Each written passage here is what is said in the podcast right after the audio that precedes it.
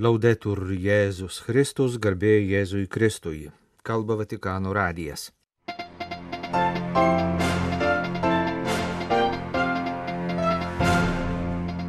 Popiežiaus audiencijos ketvirtadienį Tarptautiniai teologijos komisijai, Pasaulio jaunimo dienų Lisabonoje, organizaciniam komitetui, seminaro sveikatos apsaugos administravimo etika dalyviams. Popiežius parašė pratarmę ortodoksų arkivyskupo knygai. Lapkričio 30-ąją buvo švenčiama Šventojo Andriejaus Konstantinopolio patriarchato globėjo šventė. Šventojo sosto delegacija dalyvavo Stambule vykusiame šventės minėjime ir perdavė patriarchui Baltramiejui popiežiaus Pranciškaus laišką. Pasibaigė Maltoje vykęs Europos vyskupų konferencijų pirmininkų susitikimas. Lapkričio 30 dieną popiežius Pranciškus prieėmė Tarptautinės teologinės komisijos narius ir šiai komisijai pagal pareigas pirmininkaujantį kardinolą Viktorą Manuelį Fernandezą, tikėjimo mokymo dikasterijos prefektą. Dėl šiomis dienomis jį kamuojančio negalavimo, kvepavimo takų uždegimo, apsunkinusio ir kalbėjimą, Pranciškos audiencijos dalyviams įteikė iš anksto parengtas pastabas raštu ir apsiribojo trumpu žodiniu sveikinimu. Įteiktoje kalboje pabrėžiamos dvi temos - sinodiškumo ir evangelizavimo mazgas bei Nikėjo susirinkimas sukaktis. Bažnyčios sinodiškumas, kuriame dalyvauja visa Dievo tauta, yra būtina prielaida naujam misijų proveržiui ir yra atsiliepimas Vatikano antrojo susirinkimo dvasioje į Jėzaus prašymą evangelizuoti, pabrėžė popiežius, kuris taip pat palinkėjo, kad tarptautinė teologijos komisija padėtų išvystyti mąstymą, kuris leistų dabartiniam pasauliui ir dabartiniai kultūrai pristatyti mylinti, išlaisvinanti, išgelbėjanti Dievą, remianti asmenų gyvenimą ir kviečianti brolybei. Teologams svarbu darbuotis, žvelgiant iš apačios, iš paprastųjų ir vargšų perspektyvos, taip pat ant kelių, kitaip tariant, meldžiantis ir garbinant Dievą. Tarptautinė teologinė komisija, priminė popiežius, rengia apmąstymą apie trejybinį ir kristologinį tikėjimą išpažinusi Nikėjo susirinkimą pastarojo 1700 metų jubiliejaus proga. Šis jubiliejus taip pat sutampa su 2025 švesimais šventaisiais metais. Yra trys svarbus motyvai, dėl kurių Nikėjo susirinkimo atskleidimas yra daug žadantis. Pirmasis motyvas yra dvasinis. Nikėjo susirinkimas išpažino viengimi sūnų, Dievą iš Dievo šviesą iš šviesos dėl mūsų išganimo tapusi žmogumi. Ši šviesa nušvietė ne vien kitais būdais nepasiekiamą pažinimą, bet ir tėvo meilė šviesa visą egzistenciją. Tokią šviesą galime perteikti tik šviesių gyvenimo, spinduliuojančių džiaugsmo, tik aukštai iškeldami šią šviesą skleidžiantį žibintą. Tegul teologai perteikia amžinosios Kristaus šviesos naują ir stulbinantį spindisi bažnyčios namuose bei pasaulio sutemose linkėjo šventasis tėvas. Antrasis motyvas yra sinodinis. Nikėjo susirinkimas buvo pirmasis visuotinis susirinkimas, kuriame bažnyčia galėjo išreikšti savo tikėjimą ir misiją. Popiežius linkėjo ir pačiai komisijai būti tokios dinamikos tesėja, su visada atvira širdimi ir protu Dievui, kuris kars kartą dovanoja vis daugiau. Trečiasis motyvas yra ekumeninis. Nikėjos tikėjimo išpažinimas yra bendras visiems Jėzaus mokiniams. Apvaizda lėmė, kad 2025-aisiais tą pačią dieną Velykas šves visos krikščionių bendruomenės ir bažnyčios. Būtų labai gražu, jei tai būtų konkreti, vis bendresnio Velykų šventimo pradžia. Rašoma Tarptautinės teologinės komisijos nariams įteiktose popiežiaus pastabose. Pranciškus spontaniškai pridūrė dar kelias pastabas. Suskaičiavęs tarp teologinės komisijos narių penkias moteris, Popiežius vylėsi, kad jų ateityje bus daugiau. Moterų teologinis mąstymas yra kitoks. Pasak jo, suvyriškinti bažnyčią, moterį ir sutoktinę buvo didelė nuodėmė. O ateinančiame kardinolų tarybos susirinkime bus kalbama apie bažnyčios moterišką matmenį, kuris dar svarbesnis už Petro tarnystės principą. Popiežius Tarptautinės teologinės komisijos paprašė apmastyti Marijos principą ir Petro principą bažnyčioje, bei šalinti jos suvyriškinimą. Susitikimas baigėsi Tėvė mūsų malda ir popiežiaus palaiminimu. Ketvirtadienį lapkričio 30 dieną popiežius Pranciškus susitiko su portugalais katalikais, kurie priklausė organizaciniam komitetui rengusiam šių metų vasarą Lisabonoje vykusias pasaulio jaunimo dienas. Kartu su grupė kunigų ir pasauliečių, tarp kurių buvo daug jaunų žmonių, popiežiaus audiencijoje dalyvavo ir pasaulio jaunimo dienų organizaciniam komitetui vadovavęs buvęs Lisabonos vyskupas auxiliaras kardinolas Ameriko Aguiaras. Gracias por lo que hicieron. Gracias por todo este andamiaje ustedes ofrecieron para que la jornada de la juventud fuera lo que fue. Dėkodamas Pranciškus organizacinio komiteto atliktą darbą palygino su pastoliais, kurie yra būtini atliekant statybos darbus.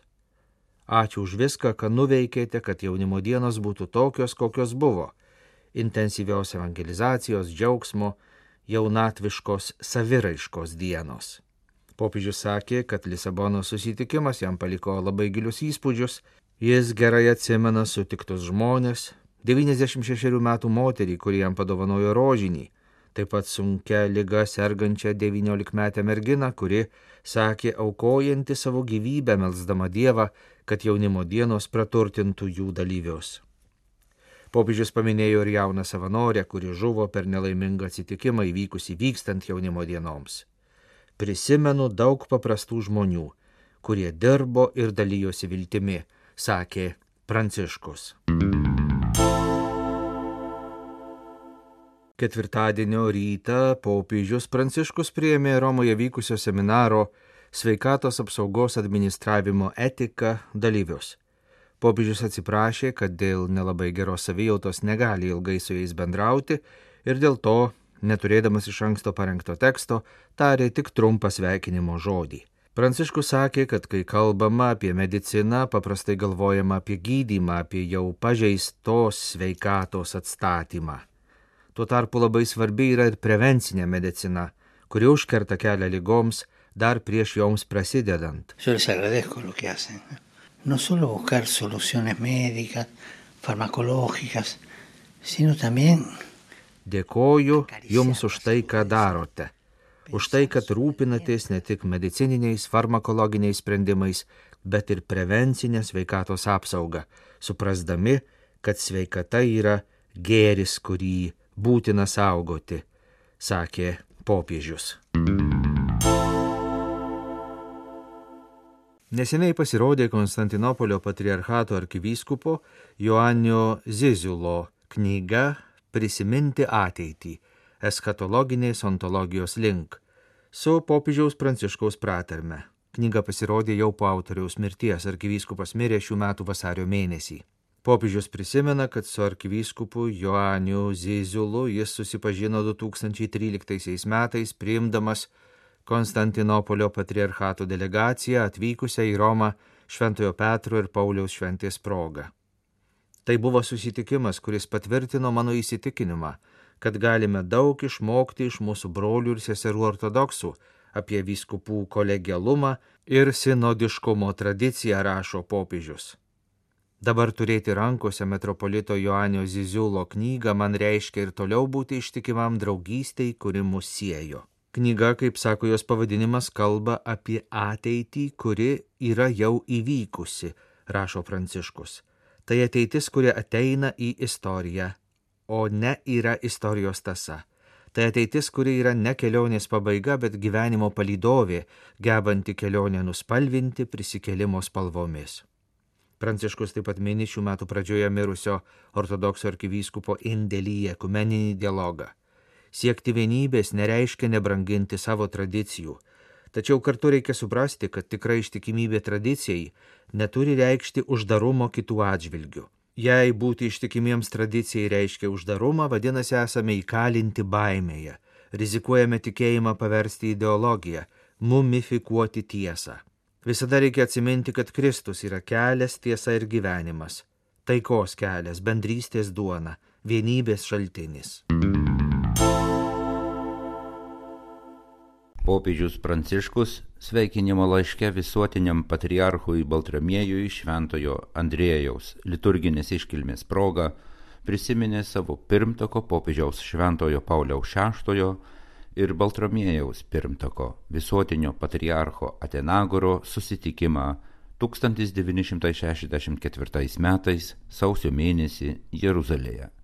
Ne tiek žodžiai ar pareiškimai, o dviejų pranašiškų ganytojų apsikabinimas iškalbiai išreiškė katalikų bažnyčios ir ortodoksų bažnyčios bažnytinės brolybės pripažinimą, pažymėjo popiežius.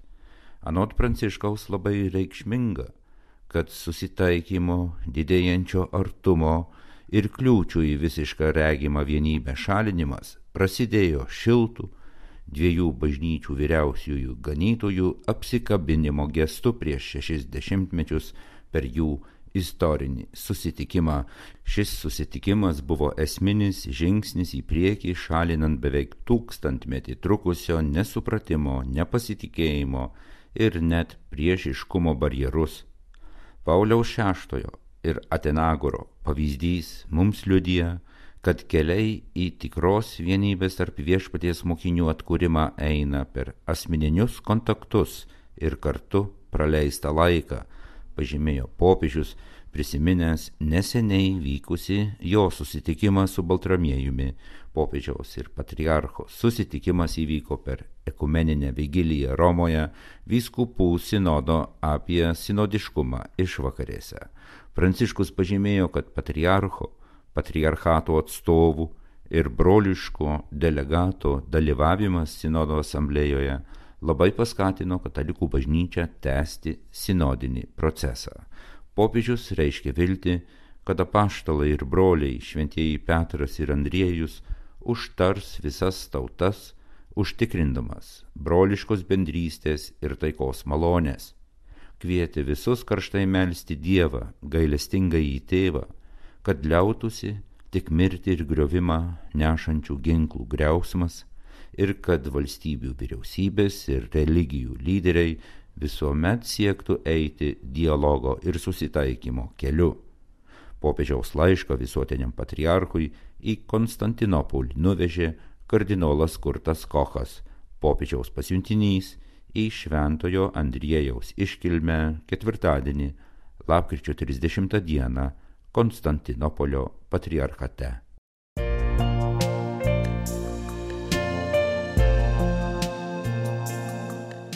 Jūs klausotės Vatikano radio. Tęsėme žinių laidą lietuvių kalba.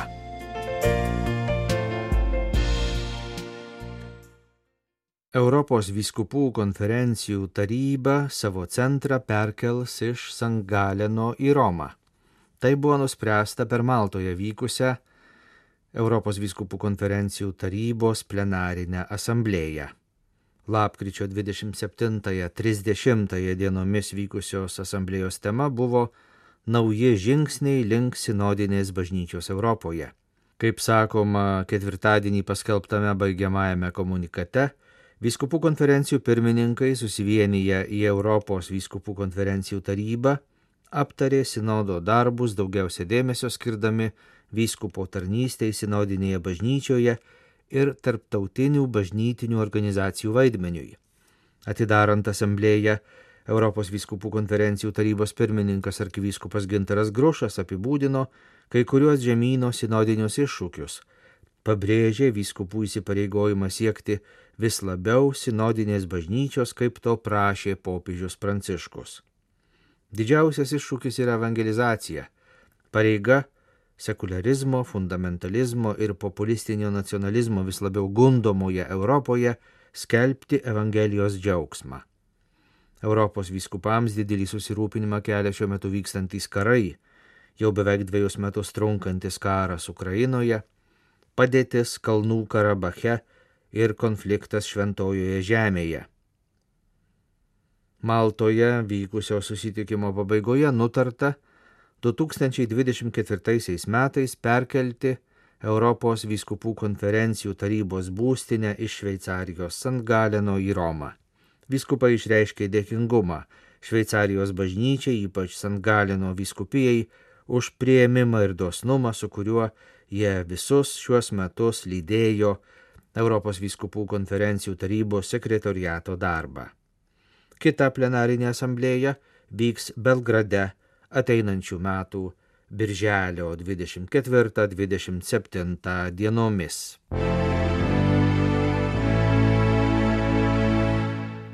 Nuo lapkričio 21 dienos Italijoje griežtesnės tėvų kontrolės taisyklės. Nepilnamečiams bus ribojama prieiga prie pavojingomis laikomų interneto svetainių. Tarp labiausiai paplitusių priklausomybių - socialiniai tinklai, internetiniai žaidimai, apsipirkimas ir pornografinės svetainės. Apie tai pasakoja profesorius Federico Tonjoni, psichiatras Švenčiausio širdies katalikiškojo universiteto, medicinos fakulteto psichiatrijos ir psichologijos instituto mokslininkas. Apsaugoti jaunus interneto vartotojus svarbu, tačiau tikroji apsauga neatsiranda vien dėl ribojančių priemonių. Aplinka, kurioje auga šio laikiniai vaikai, yra nauja. Jie nuo pat gimimo yra panirę į skaitmeninį pasaulį Šie pokyčiai yra evoliuciniai, o ne patologiniai, į tai reikia atkreipti dėmesį. Skaitmeninis bendravimas yra ne virtualus, o tikras, nes internete mesgasi draugystės, įsimylima, dirbama. Tačiau akivaizdu, kad skaitmeniniai santykiai nėra visa apimantis. Kartais glaudus bendravimas su skaitmeniniu pasauliu slepia santykių nesaugumo ir gilę egzistencinę kančią. Pasak profesoriaus Tonjoniai yra dvi interneto patologijos grupės.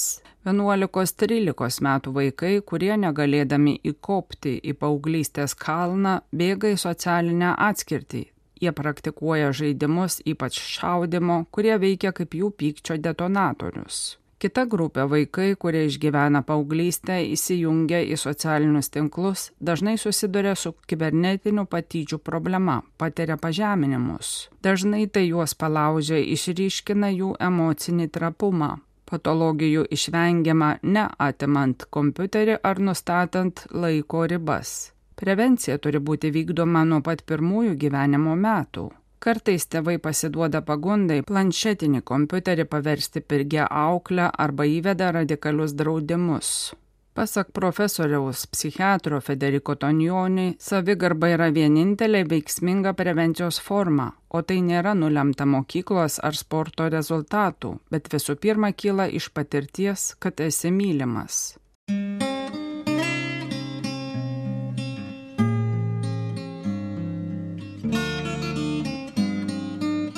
Kalba Vatikanų radijas. Laidą lietuvių kalba baigėme. Garbėjai Jėzui Kristui, laudetur Jėzus Kristus.